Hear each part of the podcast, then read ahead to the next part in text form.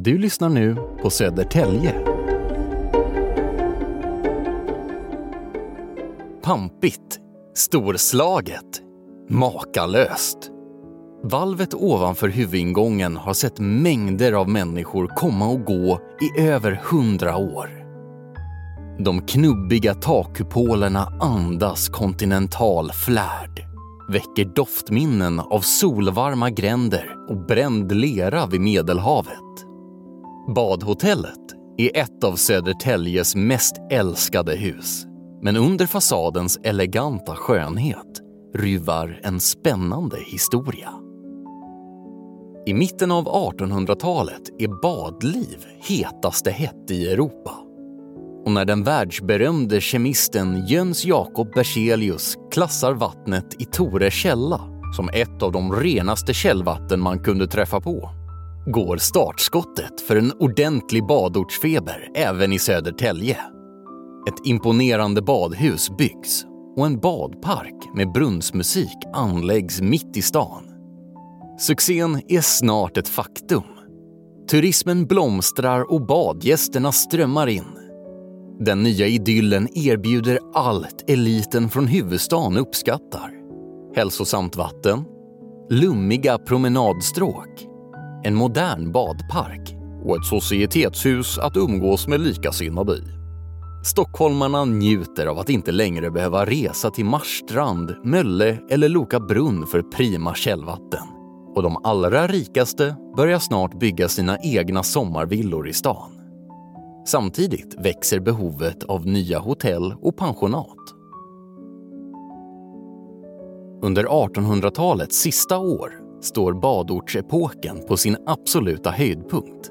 Samma år, 1899, byggs den i ögonfallande gräddbakelsen av snickarglädje, balkonger, burspråk och glasverandor på Järnagatan. Badhotellet ser dagens ljus och det dröjer inte länge förrän sällskapsrummen och den stora matsalen i hotellets undervåning fylls av dofter, glasklirr, musik, cigarrök och sorl. Men åren går och världen förändras. Allvaret träder in. Under 1900-talet avlöser världskrigen varandra och det bekymmersfria badortslivet i Södertälje bleknar allt mer till ett minne från en svunnen tid. Badhotellet byter namn till Hotel Bristol. Ett Bad Hotel gör ingen vidare reklam för sig nu när det engelska språket dominerar världsscenen. 1970-talet innebär slutet för hotellrörelsen. Själen flyttar ut från Järnagatan och rummen byggs om till kommunala kontor. Efter några år går även restaurangen i konkurs och en karusell följer av ägarbyten, svag ekonomi, skatteskulder, spritstölder och misstänkt anlagda bränder.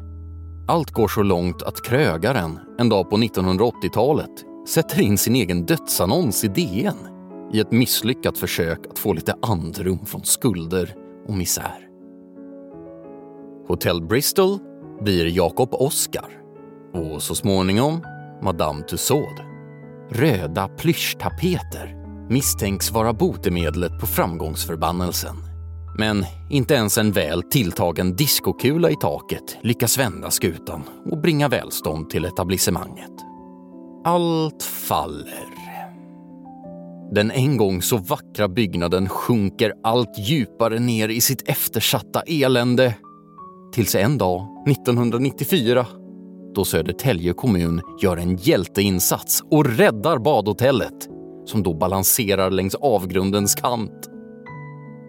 Tiderna har förändrats sedan badortens glansdagar. Men än idag skimrar den kontinentala flärdens magi kring en av landets mest uttrycksfulla byggnader. I konkurrens med Stockholms stadshus, Dramaten och universitetsbiblioteket i Lund röstades badhotellet för några år sedan fram till Sveriges 29 vackraste byggnad. Inte illa för Täljes egen lilla gräddbakelse som numera fungerar som kontorshotell och hyser en vårdcentral istället för långväga badgäster. Just det, de röda plyschtapeterna och diskokulan är förresten borta sedan länge. Du har lyssnat på Södertälje